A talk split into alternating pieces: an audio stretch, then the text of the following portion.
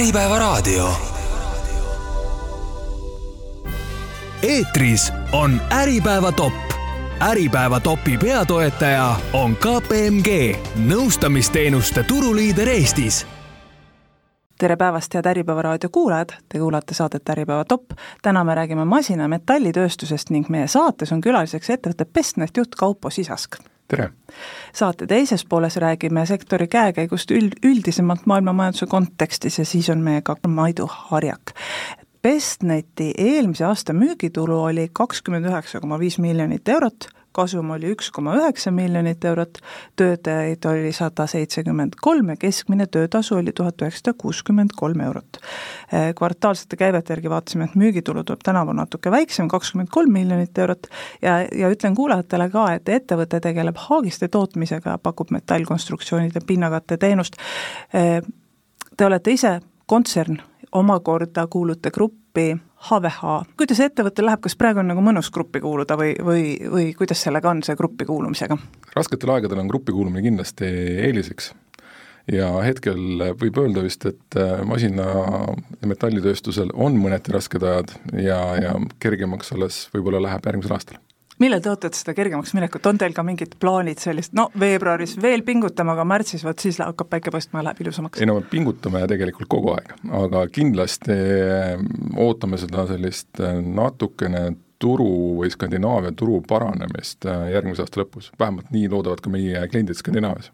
Kas teil on ka see probleem, et te olete nii sõltuv sellest kli-, Skandinaavia kliendist, et kui seal on mingi häda, siis on kohe see häda ka teie majas? Ma arvan, et äh, enamus Eesti tööstusest ja majandusest on tegelikult väga tihedalt seotud äh, Skandinaaviaga, nii et äh, ma arvan, et me ei ole seal nagu erand, aga me tõesti haagiste müügi poole pealt meie, kuna toode läheb otse lõpptarbijale, siis me tunneme koheselt ka majanduse jahtumise mõjusid Skandinaavias mõneti allhanke puhul kindlasti see tuleb viivitusega Eestisse. kui nüüd äh, mõelda selle peale, et varsti majandusaasta saab ju tegelikult läbi, oktoobrit ei ole meil peaaegu üldse enam, noh mis see november ja detsember enam on, eks ju, äh, missuguste tulemustega see aasta lõpeb ettevõttele? kindlasti on, tulemused on, numbrid on positiivsed, aga nad ei ole nii head, kui nad on olnud äh, eelmistel aastatel. eelmised aastad olid äh, väga head aastad, küll me nägime juba eelmise aasta lõpus sellist äh, väikest äh, jahtumise algust Skandinaavias. aga see jahtumine on nüüd tasapisi tulnud ka Baltikumi, et äh, läheb aina keerulisemaks hetkel aasta lõpus. praegu on, on see olukord selline, et me oleme seda mitu korda ka siin oma, oma majas arutanud, et see on selline teistsugune kriis tegelikult, et me mõlemad oleme piisavalt vanad, et mäletada kahe tuhande kaheksanda aasta kriisi, mis oli põhimõtteliselt likviidsuskriis. nüüd on meil selline kriis, kus nõudlus väheneb, töötajate arv väheneb, aga palgasurve püsib Te äh, tegelete laivis sellega iga päev, et kuidas sa, kuidas sellega hakkama ma arvan, et kahe tuhande kaheksanda aasta kriisiga saab võrrelda ja samas ei saa võrrelda, et äh, hästi palju on äh, räägitud sellest, et töötus ei vähene Eestis. Et kuigi justkui on nagu kriis, aga, aga tööhõive on ikka väga kõrge. Siis tegelikult äh, üks suur erinevus, mis on kahe tuhande kaheksanda aasta ja selle aastaga, on see, et äh, et äh, on äh, väga palju renditööjõudu, et ettevõtetel oli ligi kakskümmend, kolmkümmend protsenti tavaliselt äh, renditööjõudu, siis renditööjõud äh, kuskil statistikas ei kajastu. et ähm, kindlasti on see selline, ähm, et, et ähm, kui, kui võrrelda nüüd kahe tuhande kaheksa aastaga, siis kindlasti oleks meil ütleme, inimeste tööhõive on, on samamoodi või sarnaselt, ma arvan, langenud tööstuses lihtsalt see langus tuleb nende renditöötajate pealt, kes tihti tegelikult tihti, Eesti töötuse statistikas lihtsalt ei, ei, ei, ei, tule. ja renditööjõud on noh, nii kurb kui see ka ei ole, et tihtipeale on renditööjõust siis on enne esimesed, kes siis järjekorras lahkuvad ettevõttest, kui ettevõttel on raske. jah, eks see on omamoodi ka loogiline, aasta tagasi me uurisime ka tööstusettevõtetelt, et palju te kasutate renditööjõudu ja meile tuli nagu üllatusena ja ma, me ise lootsime, et noh, me näeme seal mingit neljakümmet protsenti või midagi, aga, aga aga tegelikult nendest vastustest juhid ütlesid, et me ei kasuta renditööjõudu, me saame ise hakkama. ma muidugi ei usu seda, sellepärast et kui hiljem olid mul ühes Äripäeva topi saates bussiettevõtete juhid, siis nemad rääkisid tellimusvedudest ja seal üks juht ütles, et neil on ukrainlastest bussijuhid, sest ka need töölised, keda ta veab, on Ukrainast. et miks see, kas see renditööjõu kasutamine, miks ettevõtted sellest rääkida ei taha? See on huvitav, ma kuulen seda esimest korda, et nad sellest rääkida ei taha. Tegelikult äh, ma arvan, et tööstuses viimasel aastatel on renditööjõudu usinalt äh, kasutatud ja selles ei ole midagi häbiväärset. Äh, Suurbritannias näiteks, Saksamaal suurelt samamoodi kasutatakse eriti hooajalist renditööjõudu, kui Eestis on renditööjõud on pigem selline pikaajaline siis seal on väga palju kasutatakse hooajalist renditööjõudu just siis tootmise piike madalamaks lihvides. kas teil on praegu renditööjõudu? jaa et meil on hetkel siiani ka veel renditööjõudu. kust sa, kust teil see tööjõud tuleb? Äh, väga palju on kindlasti, on veel, on ukrainlasi, et, et äh, ma pakuks välja et, et üheksakümmend protsenti on kindlasti ukrainlased. Aga... ma olen üllatunud, sest ma saan aru, et Ukraina mehed ei saa praegu tööl käia ma väidaks vastupidist jällegi, et, et, et, et, et kindlasti on, on Ukraina tööjõu osakaal on renditööjõus kindlasti väga suur siiani.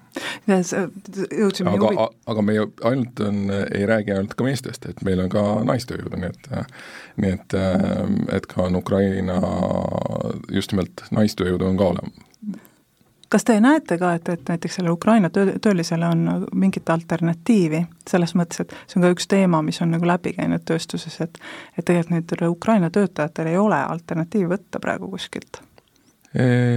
Ukraina tööjõule kindlasti alt-, nad on kindlasti ülioluline osa Eesti majandusele olnud viimastel aastatel ja on siiani. et see alternatiivi leidmine on kindlasti väga keeruline ja, ja kindlasti mure saab olema see, et kui uuesti äh, tootmine ja tööstus saab uuesti hoo üles, et äh, kuidas siis seda uuesti katta, et see saab kindlasti väga keeruline. kas äh, üles, tööstuse tootmine meil saab hoo üles või Ukrainas? või üleüldiselt, ma, sest ega, ega, ega Eesti on selline, selline väike majandus, ega ta sõltub kõikidest teistest. ega, ega Eestis, kas Eestis läheb äh, lokaalselt hästi või halvasti, me võime arvata, et see on väga palju meie teha, kahjuks on väga palju see siiski välissuurriikide majanduse, majanduse teha? Äh, masinametallitööstus, noh tööstus üldiselt on hästi sõltuv ekspordist, me juba rääkisime siin Skandinaavia turgudest. ma küsin niimoodi, et see tööstuse tase või, või, või see äri, majandustegevuse tase, mis oli enne koroonat, siis tuli, eks ju, koroona, siis tuli sõda, et millal see majandustegevus tööstuses võiks normaliseeruda või kas me saame üldse nagu normaliseerumist koroonaeelse aja mõistes üldse nagu enam oodata, et tegelikult see normaliseerumine toimub hoopis teises kohas, hoopis teisel tasemel?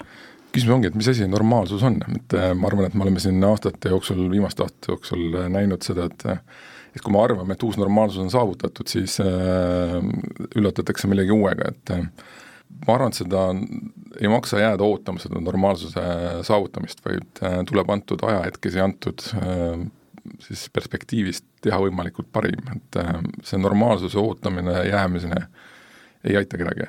aga kas teil on näiteks vähemalt noh, toormetarned on stabiliseerunud? jaa, toormetarned, toormetarned on, on stabiliseerunud ja ütleme niimoodi, et et mis üllatas üldse läbi nende kõigi nende kriiside, tegelikult äh, kui kohanemisvõimeline tegelikult äh, kogu tööstus, kogu, kogu maailm üldse sellisena oli. ma arvan, et äh, mis nendest kriisidest, kriisidest annabki kaasa võtta, on see, et kui kiiresti tegelikult äh, kohanemine on võimeline kriisisituatsioonis toimuma. kas te olite juht ka siis, kui oli koroona Bestnetis? eks, et kas, kas te ise nagu tunnete juhina, et te olete nüüd palju äh, targem ja, ja parem juht sellises noh, põhimõtteliselt ettearvamatus mastaapses kriisis? ma arvan, et noh, kas nüüd just targem või parem, aga, aga võib-olla ongi see, et enam ei üllata võib-olla mitte miski enam, et, et et alati tuleb olla kõigeks valmis, et et äh, ma arvan, et seal tarkusega ei ole vast nendes kriiside ajal pole midagi pistmist, aga pigem on, äh, pigem on see, et äh, tuleb reageerida ja tuleb, tuleb tegutseda. Meil on praegu riigieelarvest rääkimine hästi selline, see on hästi tuline teema ja hästi palju selle on, on ka süüdistatud koroonaaegseid selliseid noh, abimeetmeid, et need on selle riigieelarve noh, teinud selliseks, et me peame täna hakkama makse tõstma ja autosid maksustama, kuidas te sellesse, sellele vaatate? kindlasti ma arvan, et siin jälle Eesti ei ole olnud üksi, et, et Eesti ei, ei saa väga palju teha teistmoodi, kui teevad äh, teised suurriigid tema ümber, et äh, ma ei süüdistaks siin küll kedagi, et tagantjärgi tarkus on muidugi tänamatu tegevus. täppisteadus. täppisteadus. et, et äh, seda oli omal ajal, oli seda vaja, et, et nüüdseks on kindlasti, on need, on, peame ka selle eest lõivu maksma, et, et see on kõigile selge, et äh, pigem sooviks äh, valitsuses sellist äh, stabiilset majandusvaadet siis järgmisteks aastateks, mitte sellist uut tõmblemist edasi-tagasi, nagu meil siin läks automaks oli hea näide, kus kohas nagu, et maks tuleb kohe-kohe, siis ei, ei tule ja tuleb hoopis teises mahus.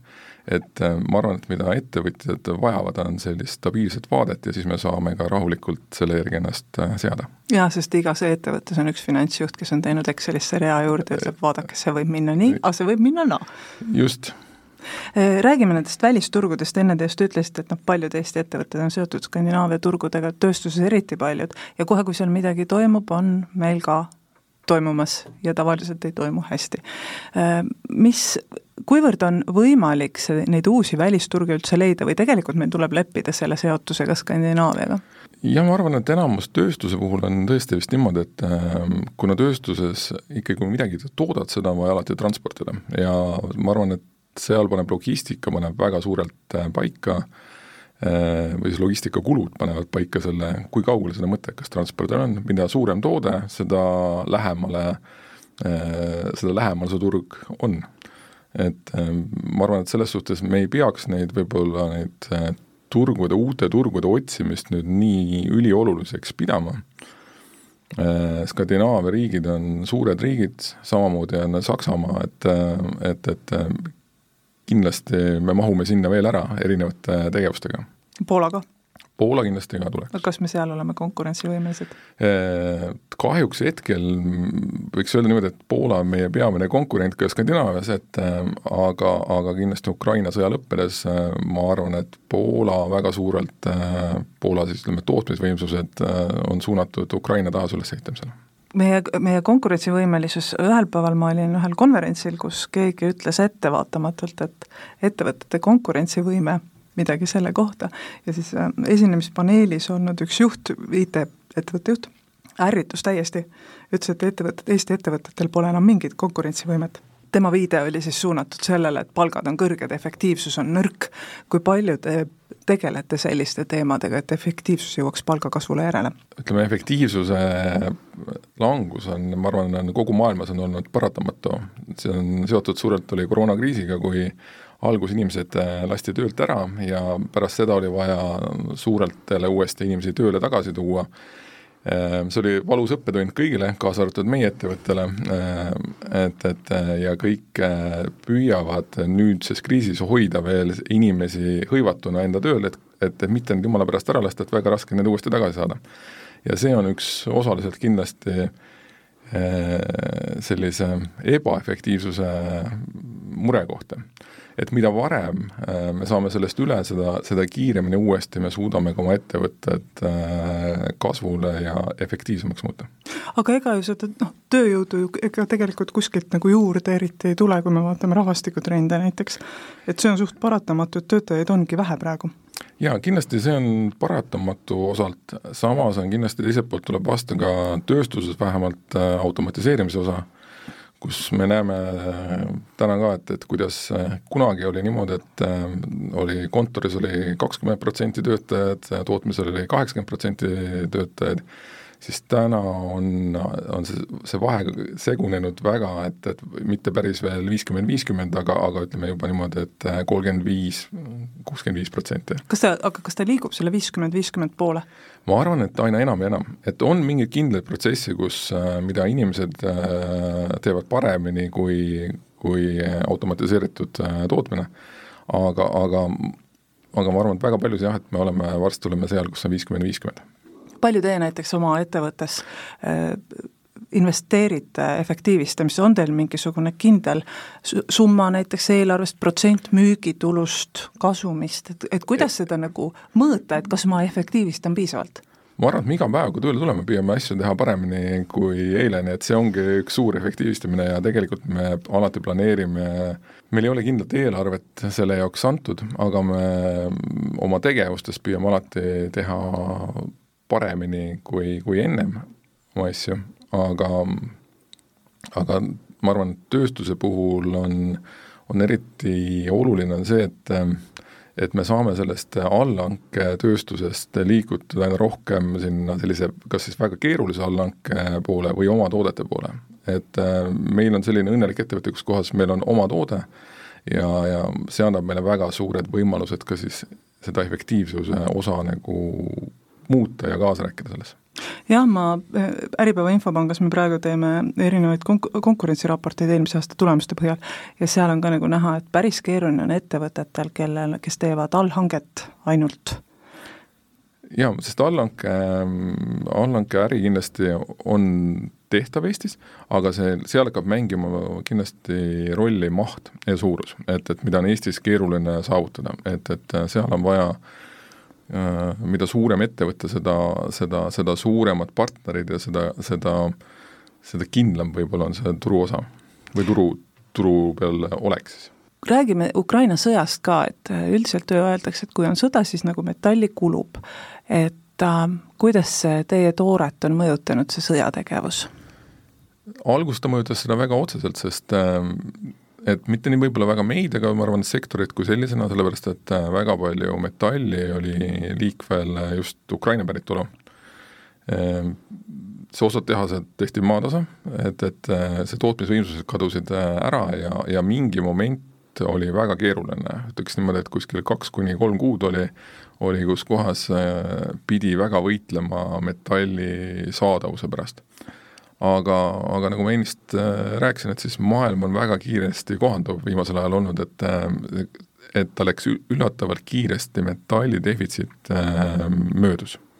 et see peale kahte-kolme kuud oli, oli olukord peaaegu et normaliseerunud aga kuidas te vaatate sellele, et, et kui nüüd sõda lõpeb, hakatakse Ukrainat üles ehitama, kuidas see hakkab teie toormeturgu äh, mõjutama, sest ega kohe need tehased ju tööle ei hakka, need tuleb ju kõik ehitada ja see, sinna läheb ka palju metalli ja vaadake, kui palju tehaseid seal on. kindlasti, äh, aga samas on jällegi, on seesama asi, et äh, Ukraina on väga suur riik, et oleks kindlasti esialgu läheb küll sinna metalli ehitamisse, aga kindlasti ressurss pannakse sinna, et Ukraina ise hakkab uuesti tootma endale vajalevat metalli ja seda ka eksportima.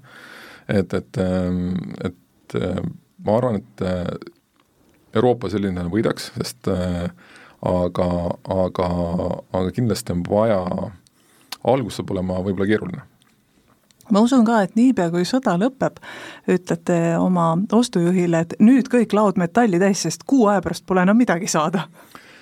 No samamoodi ja siis on kohe hind laes kindlasti, kindlasti tuleb selliseid ajutisi kõikumisi, kindlasti tuleb. et, et seda me oleme näinud, aga see on, ma samamoodi jälle usun, et et kus on nõudlus, seal leitakse ka tee, kuidas uuesti asjad jälle tööle panna, nii et seda me oleme õppinud siin viimase viie aasta jooksul väga hästi. palju te oma tarneahelaid ümber olete teinud praegu? me oleme pidanud, osaliselt oleme pidanud tegema, sest meil on, me ostame väga globaalselt, et meil Haagise detailid tulevad üle kogu maailma, et me oleme püüdnud äh, oma riske vält-, siis riske maandada, et vältida riski vist ei ole võimalik, aga, aga me oleme püüdnud oma riske maandada siis otsides ka alternatiivtarnijaid ja, ja leida, leida siis võime, võimalike kriisikoldete tekkimise hirmus siis teisi ka tarnijaid. palju see hinnataset on mõjutanud? Hinnaga on väga keerulised lood äh, viimaste aastate jooksul jälle, et, äh, et me Eestis on inflatsioon olnud väga kõrge ja, ja ega muul maailmas on samamoodi, et äh, ega ükski asi odavamaks ei ole läinud ja, ja karta on, et ega väga palju odavamaks asjad tagasi ka ei lähe, et, et et hinnatase, ma arvan, et me peame kahjuks leppima selle hinnatasemega, mis hetkel on, hetkel on, et, et ma sealt tagasiteed ei näe kas ühel hetkel võib olla ka olukord, kus näiteks te otsustate oma tootmise viia hoopis Ukrainasse, kuna seal on odavam, suurem, rohkem tooret on lähemalt kättesaadav, ma mõtlen, et kas Eestis on ühel hetkel sama seis, mis kunagi oli näiteks Saksamaal, kui tootmised hakkasid ära kolima või Inglismaal? ma arvan, et Eestis on hoopis huvitavam probleem on tekkinud, vähemalt meie oma ettevõttes oleme päris mitu korda põrkunud selle peale, et et me väga ei mõtle selle peale, kuidas liikuda oma sihtturgudest, ehk meie sihtturud on siis Skandinaavia ja Baltikum kaugemale, vaid me mõtleme, kuidas oma sihtturgudele liikuda lähemale. ja, ja noh, nagu me siin enne, ennist rääkisime, siis Eestis on toimunud suur äh, palgatõus, on kogu üldhinnad on mõnikord äh, kütus isegi on, on odavam äh, mõnes ütleme, lähiriigis kui Eestis et, et äh, elektrihindadest äh, me teame seda samamoodi, et Skandinaavias on elektrihinnad tunduvalt äh, madalamad, et me oleme isegi leidnud seda, et mõnel juhul on, ütleme uute projektide puhul on Skandinaavias odavam toota kui Eestis. See pigem võib saada Eestile probleemiks. juba on Skandinaavias odavam toota? see sõltub äh, kohast, see sõltub, äh, milline on see projekt, milline, kui energiaintensiivne on, meie pinnakatete ettevõtted on väga energiaintensiivsed ettevõtted, äh, siis seal mängib väga suurt rolli just energia hind ja energia hinna vahe on, on on Skandinaaviaga ikkagi, võib olla neljakordne, lisaks kui vaadata seda, et kui minna natukene põhja poole Rootsis või Soomes, siis tulevad ka riigipoolsed äh, hüved hakkavad mängima rolli lausa, see oleks nagu meil oleks Ida-Virumaale kolimine kuidagi eriliselt soodustatud. midagi, midagi on jah sarnast. ma mõtlen jah, et midagi on sarnast, aga kuidas, kuidas Skandinaavia turgudel oleks tööjõuga? tööjõudu Skandinaaviadel kindlasti on sama, samad mured, et ega kui Skandinaavia klientidega rääkida, siis meil on suht sarnased äh, mured, ega ega midagi väga sellist äh, keeruline kõikidele ja kindlasti on ka lahendatav äh, ka ühte või teistpidi igale poole. Äh, räägime sellest, kuidas Ukraina sõda on teid nagu juhina mõjutanud, et et kui me noh, ma, ma, ma olen neid saateid teinud mitu aastat ja, ja varem oli ikka niimoodi, et juht ütles, et ah, me, me siin tegeleme oma asjaga, aga kuidas praegu on, kas kas tegelikult võib öelda, et see Ukraina sõda on nüüd toonud kaasa ka selle, et, et iga, et, et iga juht näeb, et ta peab jälgima globaalset poliitikat? Või olete te seda tegelikult nagu kogu aeg teadnud ja jälginud? ma arvan, et kuna meil on tarneahelad on äh, väga kaugeluletavad, siis me oleme seda kogu aeg teinud, võib-olla nüüd on see mm, selline äh, ärevuse tase võib-olla on, on, on, on kõrgemaks muutunud, et seoses nende sündmustega, mis on siin eelmiste aastate jooksul olnud, et võib-olla vaatad juba ennatlikumalt ennem ette, kus kohas midagi juhtuda võib, et püüad siis seda riski kuidagimoodi maandada. et äh, paned tähele, et Lavrov on käinud Pyongyangis? jah. ja palju tegelikult neid globaalseid riske üldse maandada saab? kindlasti osaliselt saab, et, et äh, alati annab, aitab see, kui on vähemalt äh, on olemas alati alternatiiv siis tarnetele ja, ja mingil osal saab, aga, aga ega kõiki riske ei anna, ei anna maandada tegime mõne nädala eest äh, masin- ja metallitööstuse juhtide seas sellise tulevikku vaatava uuringu, küsisime erinevate näitajate prognoosi ja noh, nagu kõikides sektorites ma võin öelda, meil on kolmekümnes sektoris küsitlused tehtud, kõige kiiremat kasvu prognoositi keskmisele töötasule, mis on noh, arusaadav, inimesed taotlevad oma ostujõu taastumist. mõnevõrra üllatavalt ka töötajate arvule, aga näiteks kasumlikkusele prognoositi kahanemist ja müügitulule prognoositi sellist väikest kahanemist, mis noh, mida võib vaadata püsimisena samal tasemel, aga mis tegelikult tähendab, et juhid pingutavad, et see püsiks samal tasemel mm, -hmm. arvata võib, et see tegelikult kahaneb, kuidas te vaatate, kas see tundub nagu adekvaatne? kindlasti kasumite osa kindlasti on löögi all. Äh, kui turumahud vähenevad, siis kindlasti kasumlikkus kaasneb, kasumlikkuse vähenemine kaasneb koos sellega. et selles suhtes on, on õigus ma arvan, et keskmise palga selline suur ralli on ehk, ehk on möödas Eestis, et, et äh, me näeme seda ka hetkel, et tegelikult tööjõudu tegelikult on, tööjõudu saadavus on läinud lihtsamaks hetkel. et äh, aga aga kindlasti on, ma arvan, see järgmiste aastate selline suur äh, võtmeküsimus on, kuidas uuesti müüki kasvatada, et, et see müügi osakaalu langus on, äh, on igatepidi selline, ma arvan, ettevõtete peamine põhiprobleem järgmise, järgmise kahe aasta lõikes. Jah, ja hinda tõsta ka eriti ei saa, sest langeval turul on väga keeruline no, hing, hinde tõsta, et, et inimesed on tundlikud, tarbijad on tundlikud. teeme mõned prognoosid järgmiseks aastaks ka.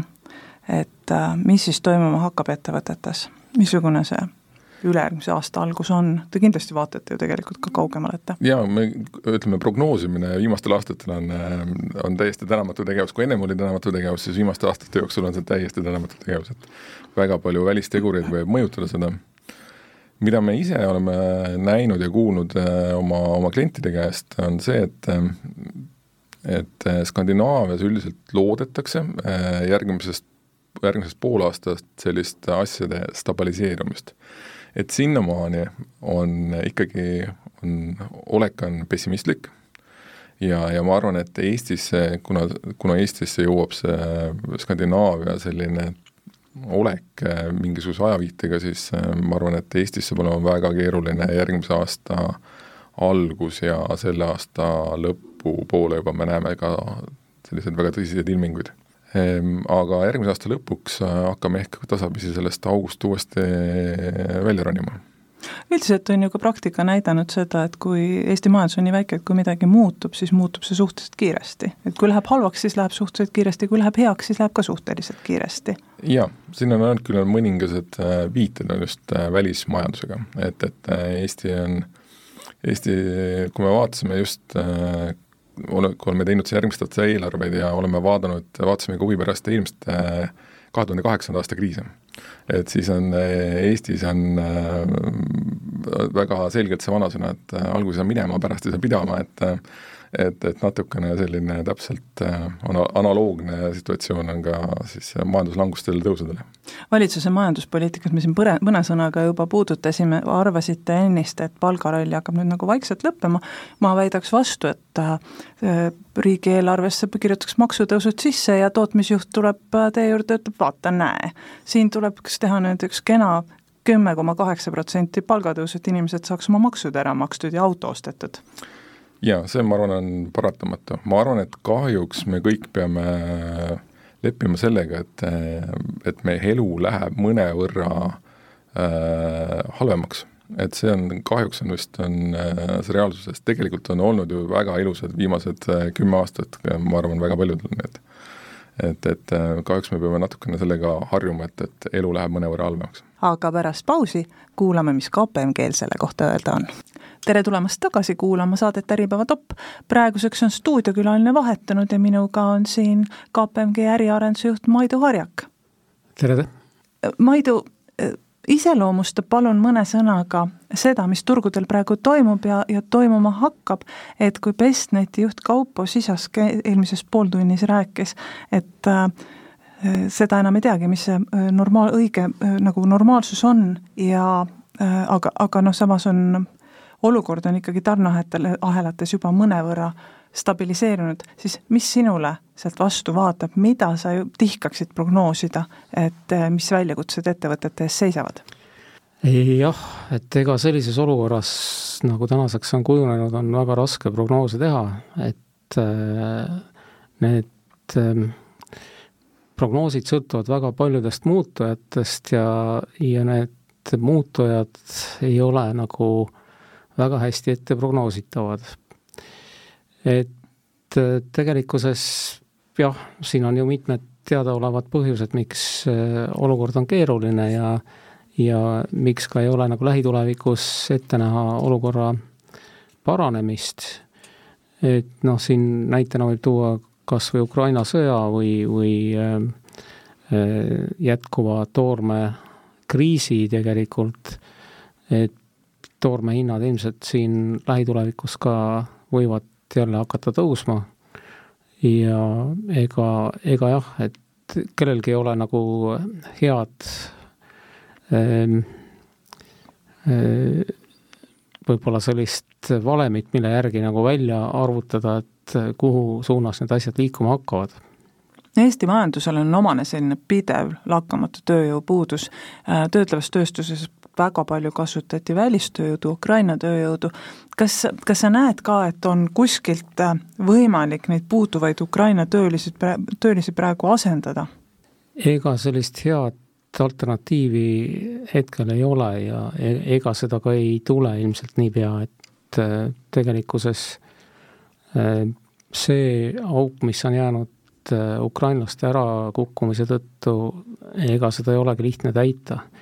et äh, Eesti enda tööjõu olukord on teada ja, ja siit kuskilt nagu väga palju juurde võtta inimesi ei ole ja väljast sisse tuua ka ei ole väga palju kohti, et kus see, kus see nagu lihtsalt õnnestuks. nii et ilmselt selline tööjõupuudus jätkub ikkagi mõneks ajaks kas see peaks tähendama tegelikult seda, et ettevõtted hakkavad rohkem investeerima efektiivistamisse, masinatesse? Mm, jah, otse loomulikult äh, see on nagu möödapääsmatu, et kes seda ei tee, sellel lihtsalt äh, puudub võimalus äh, edasi areneda, see ei saa oma käibe, käivet, kasumit kasvatada, ehk see ettevõte on siis noh, määratud nagu taanduma või manduma kuidas sa üldse hindad praegu seda ettevõtete valmisolekut niimoodi väheneva tööjõu hulgaga hakkama saada, ehk siis valmisolekut investeerida masinatesse, seadmetesse, sektoris, mis juba nagunii on üsna investeeringute mahukas? no ma arvan, et siiski Eesti metalli- ja masinatööstus on selles suhtes olnud väga tubli, et nad on teinud korralikult investeeringuid ja ilmselt nad Äh, on suutelised tegema ka neid äh, rohkem, vaadates noh, ütleme nende tulemusi tänase seisuga. Ja eks see on nagu ainukene selline mõistlik tee ka, milles noh, kus suunas minna, et et ega, ega siin jah, väga palju alternatiive ei ole, et tuleb kas investeerida efektiivsusesse või, või lihtsalt siis lõpetada tegevus ütle mulle, mis pilguga sina vaatad valitsuse eelseisvaid maksutõuse, ühest küljest on ju arusaadav, et koroonaaeg, aegsed toetused tuleb kuidagi kinni maksta, et noh, me ei saa auguga eelarves eda-, elada. Teisest küljest noh, seda on päris palju kritiseeritud, et praegusel ajal need äh, maksuplaanid on sellised natukene nagu noh, ei ole väga selged, äh, mi-, mis, mis pilguga te KPMG-s vaatate selle valitsuse majanduspoliitika peale? no ega siin on väga keeruline niimoodi võib-olla KPMG seisukohalt arvamust välja öelda, et erinevatel inimestel on ka natuke erinevad arvamused kindlasti. Aga kindlasti on see poliitiline otsus ja, ja noh, arusaadavalt ka majandusel on vajalik eelarve tasakaal, nii et, et mingil moel tuleb see saavutada. Kas see ajastatus nüüd kõige parem on, see on alati nagu selline äh, miljoni dollari küsimus, aga, aga et millal siis on nagu parem aeg seda teha, et see on nagu ka teine pool asjast, et kunagi tuleb see nagunii ära teha jah, ma just oleks küsinud järgmiselt, millal see parem aeg oleks, aga ega vist maksutõusuks ei olegi paremat aega. Äh, kuidas, äh, Maidu, sa hindad praegu globaalpoliitika mõju Eesti majandusele, et äh, siin ka eelmises saate pooltunnis oli juttu, et kui tänapäeval peab ikkagi tööstusjuht juba teadma, et Lavrov käis Pyongyangis mm, -hmm. kuidas, kuidas sa vaatad, et mis on need ohukohad, mida praegu tuleks silmas pidada juhtidel? no siin jällegi neid trende ette ennustada ei ole väga lihtne, et, et eks Venemaa paistab, et ei soovi nagu mõistust pähe võtta ja tegutseb omasoodu asjadega, üritab siis kuidagi enda noh, positsioone tugevdada ja, ja sõda jätkata, et ei paista, et nende poolt seal mingisuguseid äh, järeleandmisi tuleks, vähemalt selle valitsuse ajal, kes seal praegu on eesotsas. et noh, ilmselt ikkagi peab arvestama sellega, et see sõda veel mõnda aega kestab ja ja sellega seoses ka see olukord maailmas jääb nagu selliseks, nagu ta on siin mõnda aega juba olnud. et mis juhtub siis, kui sõda lõpeb ja kui palju see siis hakkab Eestit mõjutama, see on nüüd omaette äh, suur küsimus, et ilmselt siin ka sõltub palju Eesti ettevõtetest, et kuidas siis osatakse seda uut kujunenud olukorda ära kasutada, kas sealt osatakse siis teenida äh, täiendavat tulu et noh, need on jälle sellised omaette küsimused, millele on keeruline praegu veel vastata. aga võib vist olla üsna kindel, et kui sõda lõpeb ja Ukraina ülesehitus algab, siis metallihinnad hakkavad jälle tõusma maailmaturul? Võimalik, aga no ütleme, et ega see toormehinna tõus iseenesest äh, on ju kõigile sama, et see ei tähenda siis seda, et nagu Eesti kuidagi jääks nagu kehvemasse olukorda võrreldes teistega, et siin nüüd sõltub siis ikkagi juba Eesti ettevõtete enda tublidusest ja kuidas on siis tehtud investeeringuid, kuidas on siis noh, innovatsiooni mõjud Eesti masina metallitööstusele, et, et see on nagu see võtmeküsimus sellisel juhul. kui meil on praegu selline olukord, kus majandus jaheneb, töötus kasvab, aga palgasu-, palgasurve püsib, siis mm -hmm. võib öelda, et see olukord on üsnagi pretsedenditu. Äh, mida sa arvad, mida võiksid nüüd juhid, kes, kes selle kriisi läbi teevad, õppida äh, järgmisteks kordadeks? Jah, see on hea küsimus, et mida sellest oleks õppida, aga eks igast kriisist on midagi õppida kindlasti. et äh, öeldakse, et tark inimene õpib oma vigadest, mm, et noh, ilmselt äh, samu vigu vast enam ei korrata, mis on tehtud. ma ei taha öelda, et siin, et keegi oleks nagu väga suuri vigu teinud, aga, aga noh, et äh, alati võib ka kriisidest õppida. et